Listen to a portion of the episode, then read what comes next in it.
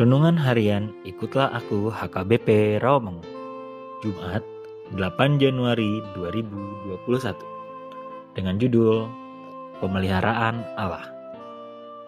Bacaan kita pagi ini tertulis dalam 1 Samuel pasal 16 ayat 1 sampai 13 Dan bacaan kita malam ini tertulis dalam 1 Timotius pasal 4 ayat yang ke-11 sampai yang ke-16.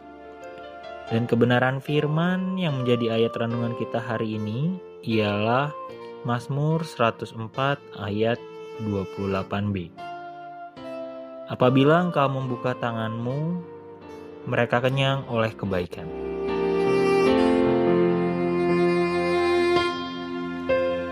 Pemazmur mengagumi hikmat dan kebijaksanaan dalam pemeliharaan Allah – yang diperlihatkan melalui segala ciptaan Allah yang mempesona.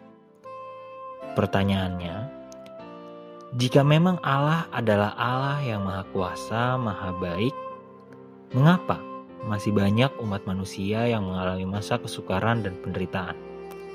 Apakah Allah yang dipercaya tidak memandang setiap umat yang mengalami masalah yang berat? Kita percaya dan menyaksikan bahwa kebaikan Allah nyata dengan membuka tangannya untuk menolong dan memelihara demi keutuhan seluruh ciptaannya. Kebaikan Allah sangatlah spesifik karena bukan adanya penderitaan sehingga berpikir bahwa Allah meninggalkan kita. Dan bukan dalam keadaan masa sukar kita percaya akan tetapi di dalam Mazmur 104 ayat 24 sampai 30 30 menekankan bahwa lewat pujian yang dituliskan merupakan bentuk ucapan syukur kepada Allah yang Maha Kuasa. Karena kebaikan Allah tidaklah lepas dari sifat dan atribut moral yang lain.